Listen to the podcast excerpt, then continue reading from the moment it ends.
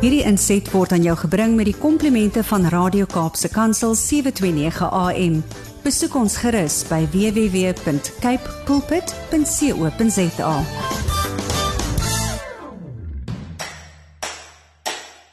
Jy is ingeskakel by Kaapse Kansel 729 AM. Dit is net na 7 op 'n Saterdagoggend. Dit beteken jy luister na Landbou Landskap. Hartlike goeiemôre van my Willem van Jaarsveld, jou gasheer tussen 7 en 8 elke Saterdagoggend op hierdie sender en natuurlik wêreldwyd ook op die internet. Vanoggend se program, so 10 oor 7 kom saad vir die saaier aan die beurt. Ons lees vir oggend 2 Kronieke 29 verse 3 tot 6. Die tema keuses. In Kapstok gaan ons luister wat Daniel Resou, die hoof van verkope landbou by Netbank, vir ons te vertel het oor die invloed van beerdkrag op landbouproduksie en natuurlik het Netbank 'n paar planne om produsente te help om hulle te verskans teen hierdie negatiewe effekte van beerdkrag. In huis en hart wat om 7:30 aan die beurt kom, in die eerste gedeelte gesels my kollega Gerda Leroux met Dr Lorinda Freilink oor die genetika navorsing op inheemse veldbokke. Hoekom dit gedoen word en die belang van die navorsing ook vir die voortbestaan van hierdie bokke. In die tweede helfte van Huis en Hart gesels Gerda met Johan Keiser van die SA Redmeat Cooperative. Nou Johan vertel hoe koöperasies opgerig kan word volgens die nuwe koöperasiewet en watter magte lede van sulke koöperasies het. Nogal heel interessant die nuwe wetse koöperasie waarvoor die wetgewing in ons land bestaan. En dan stories van hoop wat omstreeks 10 voor 8 aan die beurt kom. Daar gesels ons oor barmhartige Samaritane in die moderne era van geldbeheptheid. Ja, selfs in hierdie tyd wat ons leef, waar geld geldbeheptheid so 'n groot ding geword het, is daar nog mense wat soos die Samaritaan wat ons in die woord van lees nog kan optree. En dis vir my altyd persoonlik baie bemoedigend, verblydend en ek deel graag met julle so 'n bietjie daaruit. Landbou landskap word aan jou gebring soos elke ander Saterdag met die komplimente van Cape Pots varsprodukte mark. Ek nooi jou om met ons te gesels deur middel van ons uh, WhatsApp en Telegram nommer 081 729 1657. Jy kan 'n SMS stuur na 37988. Per e-pos kan jy met ons gesels by wilm@capepulpit.co.za. Begin jou boodskap met die woord landbou asseblief. Hier op Landbou Landskap op Kaapse Kansel 729 AM is ons daarop ingestel om vir jou die luisteraar hopelik 'n dieper kykie te gee in die leefwêreld van die landbouer.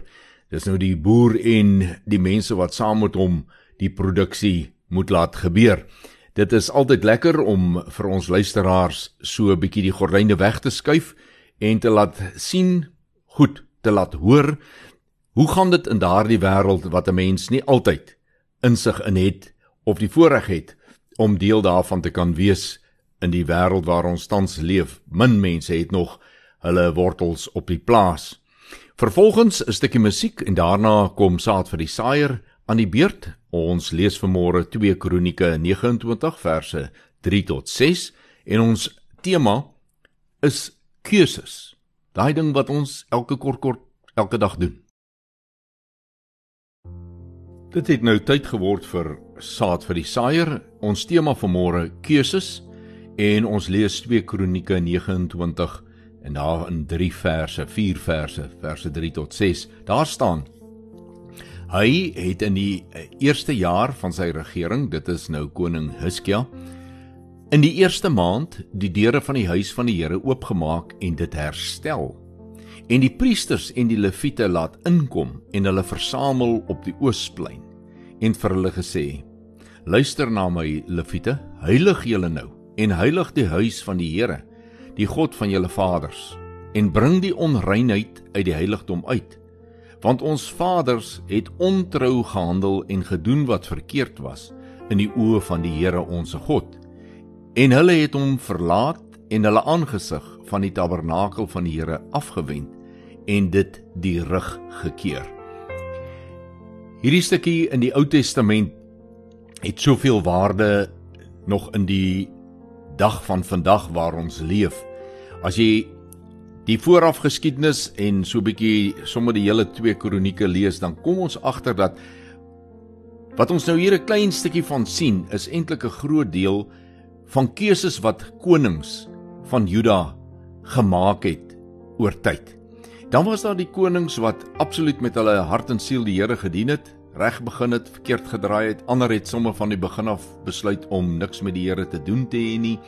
En dan is daar mense soos hierdie koning, koning Hiskia of soos hy baie plekke Jehiskia genoem word, wat net eenvoudig van dat hy koning geword het gesê het, hy sal sorg dat hy by die Here bly en dat die volk weer terugkeer tot die Here. En wat het hy gedoen? Hy het 'n keuse gemaak. Hy het gekies vir God.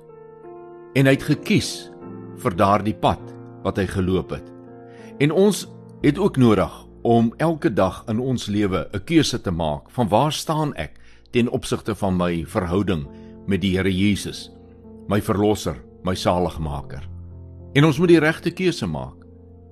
Ons moenie maak soos baie van die konings en ontrou handel in hierdie opsig nie. Kom ons bid saam. Here Jesus, ons kom vanmôre in absolute bewustheid van wie en wat ons is, veral sonder U is ons regtig 'n steen des aanstoots vir u as 'n heilige. Maar Here, ons kom vra vanmôre weer eens dat die bloed wat u vir ons gestort het op Golgotha nooit verniet sal wees nie. Dat dit ons sal reinig en dat ons vir u sal kies. Asseblief. Ons vra dit omdat u ons God is. Amen.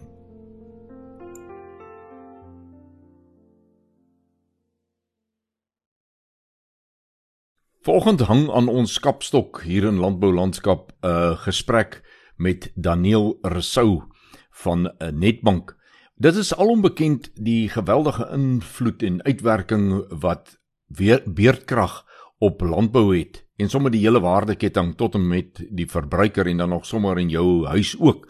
Maar Daniel wys vanmôre 'n bietjie uit hoe groot impak hierdie saak op landbou het en wat sy instansie waarvoor hy werk, Netbank, dan nou ook gedoen het, planne gemaak het om hulle kliënte en ander wat nog nie kliënt by hulle is nie dan te ondersteun met oplossings. Want erns moet ons 'n oplossing kry in ons landbouproduksieprosesse vir hierdie ewel wat ingeslyp het van kragonderbrekings en uh dis wonderlik om te hoor dat daar instansies is wat saamwerk om sulke planne te maak. Ek dink ons moet besef net dat beerdkrag net as nou die laaste paar maande, kom ons noem dit nou maar Januarie en Februarie werklik ervaar wat ons nou kyk na fase 6 beerdkrag. Maar landbou is al reeds in 2021 en die meeste van 22 geïmpakteer, byvoorbeeld deur die oorlog tussen Rusland en die Oekraïne. So ons het 'n opbou byvoorbeeld gesien weet wat voedselinflasie aanbetref. Ek dink die syfer vir Desember is in die omgewing van 12,5% wat ons al vir jaar op jaar gee van 9,5% en dit lyk my asof hy so effens kon begin afplat het. Nou wat ons nou sien is waar en ek gebruik nou syfers wat ek bes mee besig is. En hulle verwagting was dat voedselinflasie behoort eintlik in 2023 veral deur goeie graanopbrengste en so aan weet af te kom na 5,5 of 6% toe. Nou ek dink ons almal is seker dat dit, dit gaan nie gebeur nie. So ons kan verwag dat voedselinflasie, jy weet, hoog gaan bly. En dit is natuurlik nie goed vir voedselsekerheid nie. Want een van die komponente van voedselsekerheid is juis, jy weet, om bekostigbare produkte beskikbaar te hê en voldoende van dit in die mark te hê. Nou Suid-Afrika is natuurlik 'n netto-uitvoerder van voedsel en die meeste daarvan is besproeiingsgewasse. So as ons nou begin praat van beerdkrag, is daar 'n direkte impak op ons besproeiing of dan die onvermoë om te kan besproei. Maar die impak is nie net op die primêre kant nie, dis die hele waardeketting. Jy weet van die produsent tot die verbruiker toe. Nou ek het gesê die produsent se vermoë om te kan produseer word wesentlik geïmpakteer. Maar ek dink ons onderskat dan ook die impak op die prosesseerkant en die uitsetkant tot by die verbruiker. Die prosesseerders moet hulle produkte kan verwerk. Die koue ketting wat ongelooflik belangrik is, moet in stand gehou kan word om dan natuurlik weet 'n goeie produk met 'n hou vermoë op die rak te kan sit. Dit is een van my groot bekommernisse. Ons moet gaan kyk na hoe lyk die hou vermoë van produkte as gevolg van die impak van beerkrag. En natuurlik word bederfbaarheid drasties verhoog. En alles wat ek nou genoem het, het 'n wesenlike impak op voedselsekerheid vir 2023. Ek dink die belangrikste wat ons moet besef en ek weet ons kyk nou na 'n minister aan te stel in die presidentskap weet vir elektrisiteit en so aan. Maar die realiteit is daar is nie 'n korttermyn oplossing op hierdie stadium van regeringskant of Eskom se kant af in terme van beerkrag nie. So ons aan die produsent se kant en ook binne die waardeketting sit 'n werklike krisis op ons hande. En ons het al reeds gesien wat die impak is. En daar was nou berigte die laaste paar weke van braaikykings wat gevrek het as gevolg van die gebrek aan elektrisiteit, melk wat bederf het en wat moes weggegooi word byvoorbeeld. Nou as ons praat van weet watter maatreëls boere al ingestel het of nog kan instel en kom ons praat dan sommer van die res van die waardeketting ook. Die belangrikste punt is alternatiewe energie. En ek noem dit nie net hernubare energie nie. Wy praat van alternatiewe energie, insluitend dan 'n kombinasie van hernubare energie, byvoorbeeld met kragopwekkers, as ons nie batterye het nie. Want ons moet ook besef dat beerkrag het 'n wesenlike impak en ons kan nie net op sonpanele byvoorbeeld staat maak nie. Ons het daai rugsteen storing nodig en weet jy nie praat ek nou van batterye en as jy batterye het nie weet kragopwekkers om ons bedrywe aan die gang te hou. So wat ek nou van praat is 'n noodsaaklikheid en nie meer 'n luukse nie. En ons sien dit, ek dink daar's 'n eksponensiële verhoging in navraag en aansoeke vir hernubare energie spesifiek. Maar ek dink as ons by stap 1 begin, weet, is dit om energie-effektiwiteitsaudits te doen en kyk hoe lyk jou eie effektiwiteit tans? Waar kan jy bespaar in terme van krag? En dan ook om 'n regstelling van al daai oneffektiwiteite in jou besigheid reg te maak ten opsigte van veral dan nou energie. En dan sien ons natuurlik ook wat gedoen word is daai beweeg na presisie boerdery toe, veral wat besproeiing ook aanbetref. Weet ons sien hier baie nuwe tegnologie wat nou inkom, byvoorbeeld selfs op spulpunte om meer water vinniger te kan neersit, jy weet met 'n agneming van beerkrag. Maar laat ons definitief 'n verhoging sien in navraag ten opsigte van hernubare energie. Dit is nie net sonpanele nie, ons kyk ook na biomassa en so aan. Um, ons moet kyk na kombinasies. Maar ek dink die punt wat ek net by almal wil los is dit is nie meer net 'n luukse nie. Hierdie is nou werklike noodsaaklikheid. Ek wil dit amper noem as 'n terme van versekeringspolis wat mens uitneem om jou eie besigheid te beskerm teen hierdie risiko's. Ja, vir die afgelope 2-3 jaar het ons veral begin fokus op finansiering van hernubare energie en ook dan besproeiingseffektiwiteite en ek het nou ook genoem, jy weet as 'n versekeringspolis byvoorbeeld. Maar ons het dit gedoen in terme van ons SDGs of sustainable development goals. Julle kan gaan oplees. Ons kyk na SDG 6 en 7 wat gaan oor hernubare energie of skoon energie en dan ook water-effektiwiteite om dit te finansier so kontantvloei neutraal as moontlik. Om dit van boere vir maatskappye besighede moontlik te maak om met die minste impak op jou kontantvloei te kan finansier. Met ander woorde om daai besparing wat jy aan elektrisiteit het net om te sit in 'n paaiement byvoorbeeld en om dan ook jy weet die minimum sekuriteit op dit te kan neem. So ons probeer regtig jy weet om te kan help wat dit aanbetref.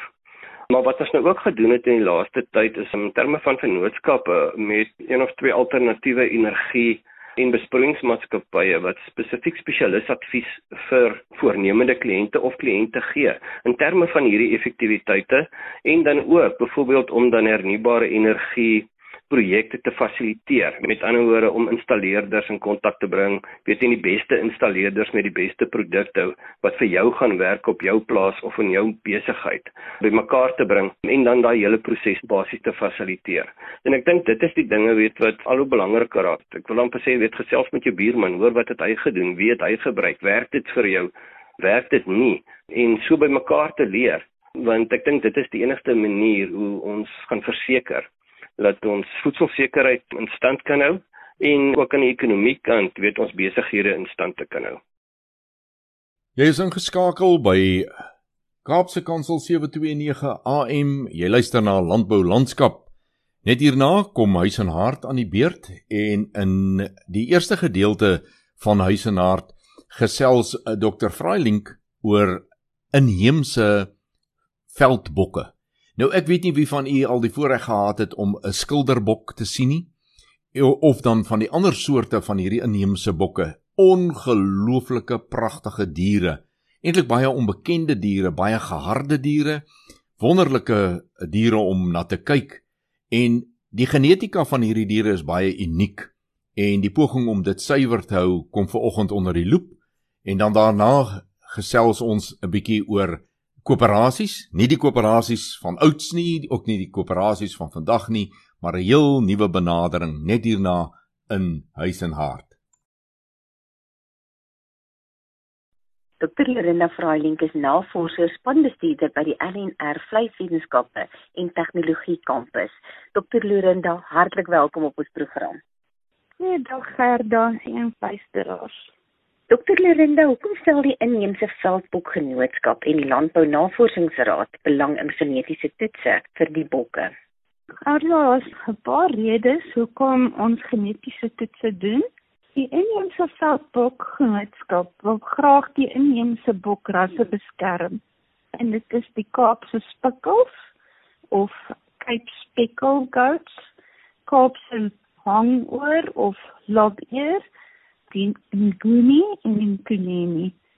Die genootskap het streng riglyne waarvolgens hulle hierdie bokke beoordeel wat dan as suiwer ekotipes en wanneer hulle twyfel word die bok dan as 'n kommersiële bok beoordeel. Feit is hulle oordeel na gelang van 'n fenotipe, dit beteken sigbare eienskappe en die korrektheid van die oordeel kan in twyfel getrek word. Die vraag kan ook gevra word of hulle nie te streng beoordeel nie.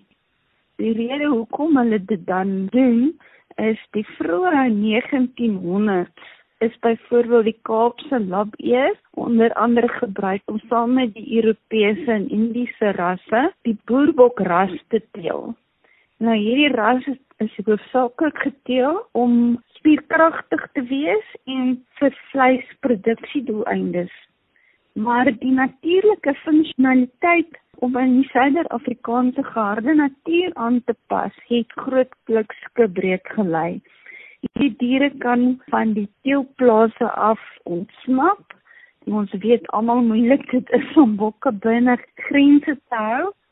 So dan het hierdie vereerde diere dan met die oorspronklike bokke weer gaan teel en daarom het ons dan so baie so van 'n aanhalingstekens in die heense diere maar wat so verwaarloosde boerbokke lyk en dit is almal soort van halfwit met rooierige kolle maar hulle word afgemaak as inheemse diere. Dis egter nie al kruisings wat plaasgevind het nie niks is opgeteken nie, maar die sogenaamde Khoisan-bokke het heel waarskynlik ook oor grense heen met Nguni-bokke gekruis. Dan is daar ook dan natuurlik boere wat met die inheemse bokke boer, maar nie omgee of dit kruisings is nie. So hierdie word dan gemengde inheemse veldbokrasse genoem. Van 'n wetenskaplike oogpunt, dit is nou soos waar ek vandaan kom van LNR en akademiese belang stel ons belang in die migrasie van hoe die rasse ontstaan het en hoe naby aan mekaar hulle weet in oorsprong is en hoe hierdie ekotipes van mekaar geneties verskil. Uit 'n vleisproduksie oogpunt, daar word teen hulle gediskrimineer en ons het dan ook nodig om dan karkas en vleiskwaliteit met genetika te vergelyk om te sien of daar wetenskaplike bewys is vir hierdie diskriminasie en hoe verskil die kwaliteit en produksie van die veredelde diere teenoor die van ons wat ons nou belangstel die inheemse diere. Dokter Lorinda, is daar al vordering gemaak op die genetiese toetse van bokke? Genetiese toetse is nie so baie duur as jy mens net na ouerskap kyk nie. Daar is byvoorbeeld by NMR ook genetiese toetse waar mens kan bewys of 'n sekere dier aan 'n sekere eienaar behoort in terme van diefstal. Die genetiese toetse waarin ons belangstel is meer ingewikkeld en dit het afgelope tyd in tegnologie vreeslik gevorder maar ongelukkig is hierdie tegnologie ook baie duur. Daar's nog nie vreeslik baie werk gedoen nie. Daar is kleiner geproewe al gedoen deur ons biotechnology platform eenheid onder leiding van Dr. Tanya David. Hierso het ons byvoorbeeld gesien dat die Cape Speckled bokke geneties heeltemal van die res van die groepe verskil en dat die ander groepe dan nou nader aan mekaar verwant is. Maar omdat dit so 'n klein groepie was, kan 'n mens nou nie definitief sê is dit nou miskien as gevolg van feit dat hulle van boere afkom nie. So ons wil graag verdere studies doen. Hoekom is die inheemse veldbok genootskap se veiling by Bloemfontein so belangrik vir die LNR se navorsingsprojekte? Veiling soos hierdie een van Bloemfontein wat aan die begin van Maart plaasvind, is 'n ideale geleentheid vir ons om monsters van 'n groot groep diere te versamel sonder die logistiek om baie plase te besoek Hulle verwag hierso 260 oeye en 40 ramme by hierdie veiling. So dit is nou nogal 'n rekordjaar en ons sal goed van al daai getalle kan gebruik maak. By laas jaar se veiling het ek met die hulp van my dogter Inke en my skoonseun Jaco namens die genetiese monsters versamel volgens wat ons nou voorskrifte gehad het Na al ons harde werk het hulle darm 70 van ons baie monsters geanaliseer kry. Nou dokter Kanye, wat David het nou net met my bevestig dat terwyl hierdie resultate met ons sou kan deel by die jaarlikse IFG vergadering en dat sy 'n paar slidingsdae kon maak. Hoekom stel jy Ellen er belang om navorsing op die bokke te doen? Boeke word as 'n ondergewaardeerde kommoditeit gesien, maar ook 'n geleentheid om plattelandse gemeenskappe uit armoede te lig. Dit is nodig vir die vleisbedryf om die waarde van bokvleis te besef en ons moet hulle daarvan oortuig sodat daar meer geleenthede vir bokboere kan wees om 'n bestaan te maak. Die kommersialisering van bokvleis moet bevorder word. Ons het 'n projek wat deur Allen Arsadik befonds word waar ons bokrasse op die Limpopo en Noordwes provinsiegrense gaan bestudeer. Hierdie kennis wil ons graag met die van wat ons het van die IVG rasse vergelyk om die aanpasbare diere in die platte land te vestig. Waar kan julle gekontak word vir verdere inligting? Julle kan my kontak by lorinda@irc.agric.za. Dokter Lorinda, dankie vir die navorsing wat julle doen en die tyd wat julle spandeer om hierdie inheemse bokke van ons behoue te laat bly vir ons nageslag. Dit is net 'n plesier, Gerda. Ons is baie lief vir hierdie bokke. Dankie. Ek gesels met Johan Keiser en vandag gaan ons praat oor koöperasies en wat 'n koöperasie is en die registrasieproses. Johan, hartlik welkom op ons program. Gerda dagste en dankie vir die voorreg dat jy my genooi het om bietjie hier te kom gesels. Ek wil dit net uit die staanspoor uit baie duidelik maak. Ek is nie 'n kenner op hierdie gebied nie. Ek is seker jy gaan baie ouens daarna luister en vir my sê my die ou praat dalk bietjie nonsens, maar dis reg. Ek, ek hou daarvan om gekorrigeer te word As daar iemand is wat meer weet as ek, dan is ek baie trots daarop. So kom ons probeer die gedagte te deel met die mense van wat is 'n koöperasie? Kom ons begin daarby. Wat sou jy sê wat is 'n koöperasie? Kyk, die staanspoor moet 'n mens sê 'n koöperasie word gevorm deur 'n groep mense wat 'n gemeenskaplike belang het. Daar sou seker nou ander terminologie ook gebruik word, maar as 'n mens verwys na 'n groep mense met 'n gemeenskaplike belang, dan sal dit byvoorbeeld heel eenvoudig te vat 'n groep boere, graanboere of veeboere of wie ook al is wat 'n gemeenskaplike belang het om 'n koöperasie op te rig sodat die gemeenskap lede van die koöperasie en dan ook die gemeenskap die voordeel trek uit 'n koöperasie uit. Wanneer ons dan sê hierdie groep mense met 'n gemeenskaplike belang en ons praat nou van 'n groep boere byvoorbeeld wat ons nou gesê het, dan beteken dit daar is etlike voordele wat hierdie ouens kan kry. Eerstens, jy gee vir jou beter bedingings mag vir aankooppryse en dan ook bemarking. Nou baie mense gaan vir jou moontlik kan sê maar Hoe kan jy dit nie in 'n maatskappy doen nie? Nou my opinie daarvan is dat 'n maatskappy beperke mens redelik by sekere statutêre verpligtinge en reëls en regulasies waar 'n koöperasie ook reëls en regulasies het Maar wat die interessantheid hier is, die lede van hierdie koöperasie rig hierdie reëls en regulasies op. Hulle bepaal wat dit behoort te wees. Natuurlik kan 'n mens sê daar is regulasies waarbinne 'n koöperasie moet opereer en funksioneer, maar die lede aan die einde van die dag kom dan en hulle stel 'n konstitusie saam en die lede bepaal die inhoud van die konstitusie wat daar moet wees volgens wat hulle belang nou is. So dit is nie 'n wye veld wat hulle het nie maar dit laat hulle toe om binne in hulle bedryfsorganisasie vir hulle sekere maatreëls te stel, reëls te stel, optredes te stel. Nou 'n koöperasie is dan natuurlik ook 'n regsentiteit. Dit beteken soos wat 'n persoon 'n regspersoon is, is daardie persoon verantwoordelik vir wat hy doen en die koöperasie is dan 'n regsentiteit soos wat 'n maatskappy is en soos wat 'n BK was, soos wat 'n trust is en die koöperasie funksioneer dan nou onder sy eie reëls en regulasies binne die wetgewing wat daar is rondom koöperasie. Die lede kom dan by mekaar of hierdie klomp ouens kom sit en hulle gesels met mekaar en hulle sê, weet julle wat, jong, ons moet 'n bietjie gesamentlik met mekaar hier werk. En dis nou iets wat in ons ou volkie se geleedere min te vind is. Kom ons werk met mekaar saam. Baie middelslag boerderye en besighede sukkel om die mas op te kom en voort te kom. Byvoorbeeld elke ou wil sy eie trekkers gaan aankoop. Elke ou wil sy lorry gaan koop en elke ou wil dit doen en almal wil iets besit en daardie trekker byvoorbeeld word maar minimaal gebruik. Hy word nie maksimaal gebruik nie, hy word minimaal gebruik ver onder sy vermoë. Maar elke ou wil sy eie trekker hê. Waar indien die boere met mekaar sou oor die weg kan kom en kan reëlings tref en skoop 'n groter trekker in hulle koöperasie. So die trekker behoort nie aan een persoon nie, maar die trekker behoort aan die lede van die koöperasie. Dit is onder andere sal 'n mens dan kan sê, hoekom gaan ons binne in 'n koöperasie funksioneer? Om die belange van die persone dan te beskerm.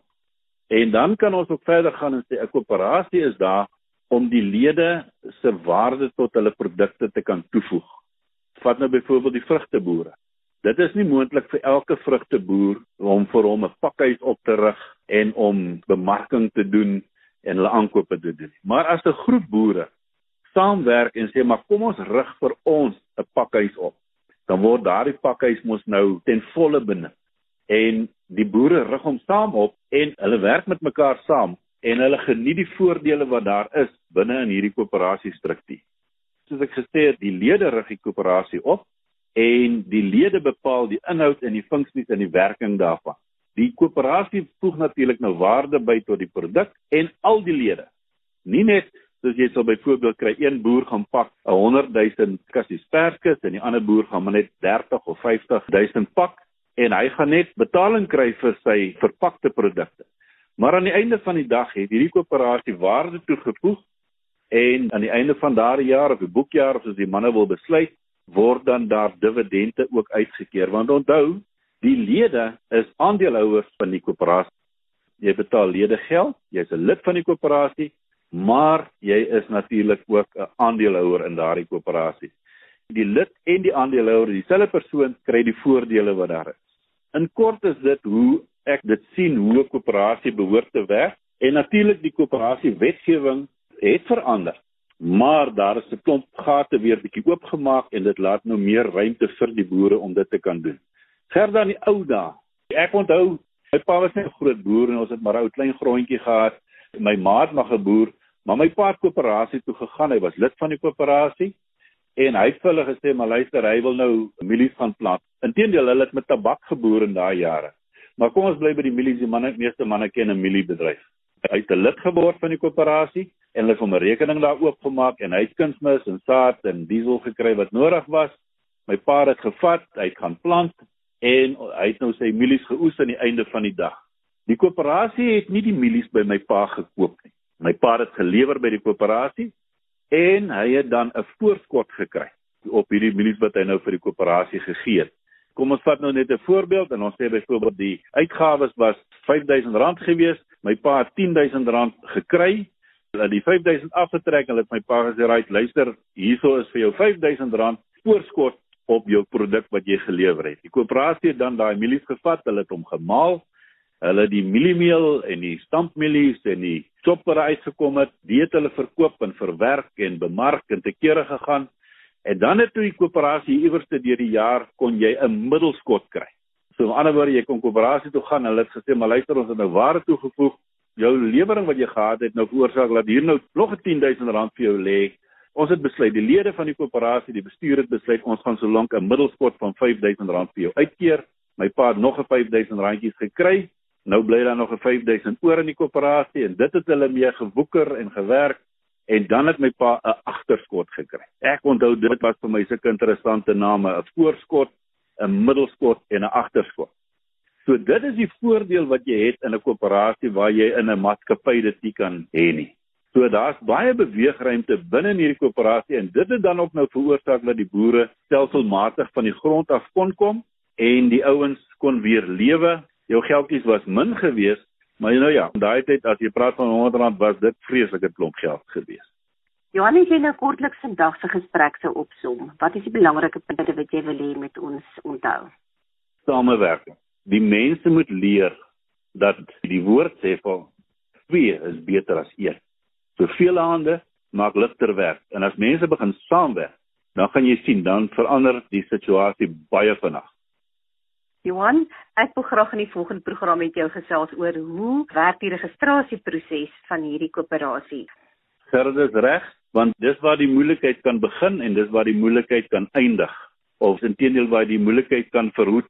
So daar is baie slaggate wat mense kan intrap. Jy weet dit is baie maklik om 'n besigheid te begin en saam te werk, maar die dag as daar begin vrae gevra word en die dinge raak styf, dis dan wanneer die manne die groot gewere wil uithaal. So die oprigting van 'n koöperasie en die konstitusie is geweldig belangrik want dit is waar die hart van die ding lê van hoe hierdie samewerking saamgevat moet word.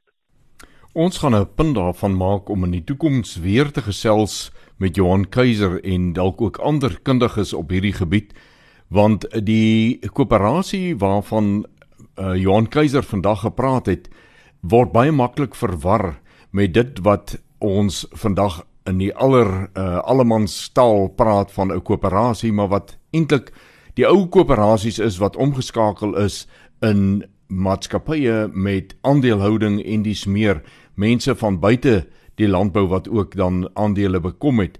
En dit is belangrik dat ons veral as landbouers die verskil ken tussen daardie omgeskakelde koöperasies wat maatskappye geword het en dit wat Johan Keiser hiervan gepraat het. Daar het weliswaar 'n groot verandering gekom in die koöperasiewet en in die onlangse verlede die aanpassings wat gemaak is skep natuurlik ongelooflike geleenthede vir boere wat as groeperinge weer wil saam koop, saam bemark en dis meer en dit is hierdie koöperasie waarvan Johan Keiser hier melding gemaak het, maar daar's veel meer om te leer in die toekoms. Ek het aan die begin van hierdie program gesê dat ons in stories van hoop bietjie gaan gesels oor Samaritane in die moderne era. Uh en as ons terugdink aan waar kom die begrip barmhartige Samaritaan vandaan, dan dink ek is dit een van die verhale in die Bybel wat die meeste mense ken. Dis een van die goed wat kindertjies van baie klein af uh geleer word. Daar is ek wil amper sê is 'n gewilde storie en dis eintlik so 'n diep storie Dis 'n storie wat nooit uit ons lewe mag verdwyn nie. Dit is iets wat ons behoort uit te leef. Maar aan die hang uh, kapstok daarvan wil ek hang vanmôre die en aansluit by ons tema keuses. Ons het so baie in die tye waarin ons leef te doen met negativiteit dat 'n mens baie keer geneig is om alle mense en in alle omstandighede alle mense op dieselfde manier te oordeel. Jou verwagtinge is so laag van almal dat jy kan amper sê daar's nie meer plek vir 'n Samaritaan in die verhaal van ons lewe nie. Maar dan gebeur dit dat 'n mens van tyd tot tyd op sosiale media veral kennis neem van Samaritane wat wel bestaan of dit gebeur dat iemand sê jy sal nooit kan glo wat ek jou nou gaan vertel wat het vandag met my gebeur nie.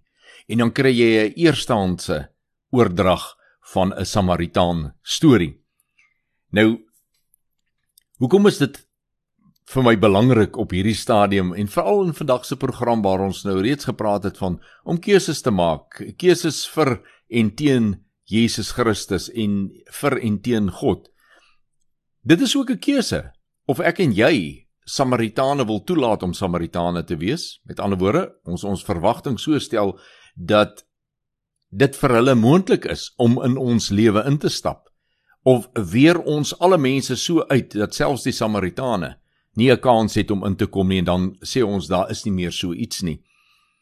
Maar dit is ook 'n ander kant van dieselfde munt dat ons dalk nie meer as 'n Samaritaan wil optree nie want dit is bloot net te gevaarlik of in my verwysingsraamwerk sê ek daar is net nie meer plek dat die Heilige Gees ooit my sal lei om 'n Samaritaans opdrag uit te voer nie want vir 'n klomp redes en dan gee ons ons redes. Nou van die aangrypendste wat ek die laaste tyd onder oë gehad het is 'n jong dame wat elders in die Wes-Kaap by 'n petrolpomp gestop het en toe die joggie nou vra uh, sy moet sê hoeveel uh, petrol hy, hy moet in die kar gooi. Toe sê sy vir hom maar ek uh, kan ongelukkig nie vir jou sê nie want ek het geen geld by my nie. Ek kom nou agter ek het ook nie eers my kaart waarmee ek kan betaal by my nie. Ek kan nie petrol ingooi nie. En hierdie man vra gesê ek sal vir jou 'n R100 se brandstof ingooi dat jy net nie sonder brandstof gaan staan nie. Jy kan vir my die geld terugbring. Nou dis nie 'n petrolstasie waar sy gereeld kom dat daar 'n kennisverhouding tussen haar en die joggie was nie. Die man het bloot net besluit daai oomblik ek gooi vir jou R100 in. En sy het teruggegaan om vir hom sy R100 te gee en vir hom gevra waarom het jy dit gedoen? En die mooi vir my is die antwoord wat hy gegee het dat hy glo Die Here wou gehad het hy moet haar daai oomblik op daardie manier help. Nou mense, dis aangrypend vir my. En as dit nie vir jou is nie, vergun my net die geleentheid om my aangryping dan met jou te deel vanmôre. Dit is nie sommer net so wanneer 'n mens in benoudheid is. In die Here voorsien 'n Samaritaan om vir jou daai oomblik die uitkoms te gee. Hy hoef jou nie in 'n herberg in te boek nie. Hy hoef nie al die ander dinge te doen wat in die Bybel beskryf is van die barmhartige Samaritaan nie. Maar die uitkomste wat daai oomblik vir jou en my bewerkstellig word deur die Here wat ons behoeftes ken, is dit nie wonderlik nie. En dan het ek al 'n paar keer gelees van verkeersmense en polisielede wat mense uh weer veral weerbare mense, ou mense en vroue en dis meer wat langs die pad staan met 'n gebarste band of 'n papwiel. En skielik is hierdie mense daar om vir hulle te sê maar ons sal dit gou vir jou doen. Hulle hoef nie dit te doen nie. Dis nie deel van hulle werk nie. Dis nie daar omdat uh of hulle doen dit nie omdat dit van hulle verwag word nie. Dis bloot hulle doen dit omdat dit die regte ding is in 'n beskaafde samelewing. Dit is vir my wonderlik dat daar nog sulke gevalle gebeur. Dis nog wonderliker dat mense bereid is om dit op sosiale media te deel. En daarom deel ek vanmôre dit op hierdie platform. En ek wil jou daarmee bemoedig.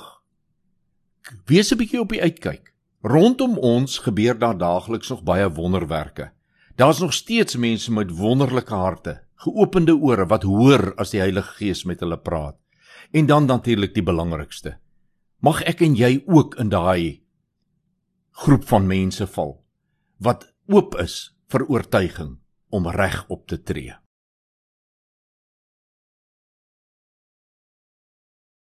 En so kom ons vanmôre weer aan die einde van nog 'n landboulandskap kuiertjie hier op Kaapse Kansel 729 AM. Dit is vir my lekker om met jou te kuier. Ek hoop jy het vandag ook 'n paar dinge gekry om in die naweek aan te herkou. Dit is belangrik dat jy sal weet die landbou is daar vir jou, maar jy is net so 'n belangrike skakel in landbou. As jy 'n boer is, nou ja, dan is jy deel van die proses. As jy 'n verbruiker is, is jy 'n deel van die rede waarom daar geboer word. Baie baie dankie dat jy aanhou om egte landbouprodukte te gebruik. Baie dankie aan Cape Pots varsprodukte mark wat landboulandskap vir ons moontlik maak. Ek het vir jou die nommers gegee, die maniere en plekke waar jy met ons kan gesels. Maak gerus so asseblief. Dit is dit is vir my lekker om van jou te hoor. Tot ons dan weer saam kuier volgende Saterdag om 7 groet ek Willem van Jaarsveld en mag jy elke oomblik Vader se guns op jou lewenspad beleef. Wederom. Hierdie inset was aan jou gebring met die komplimente van Radio Kaapse Kansel 729 AM. Besoek ons gerus by www.cape pulpit.co.za.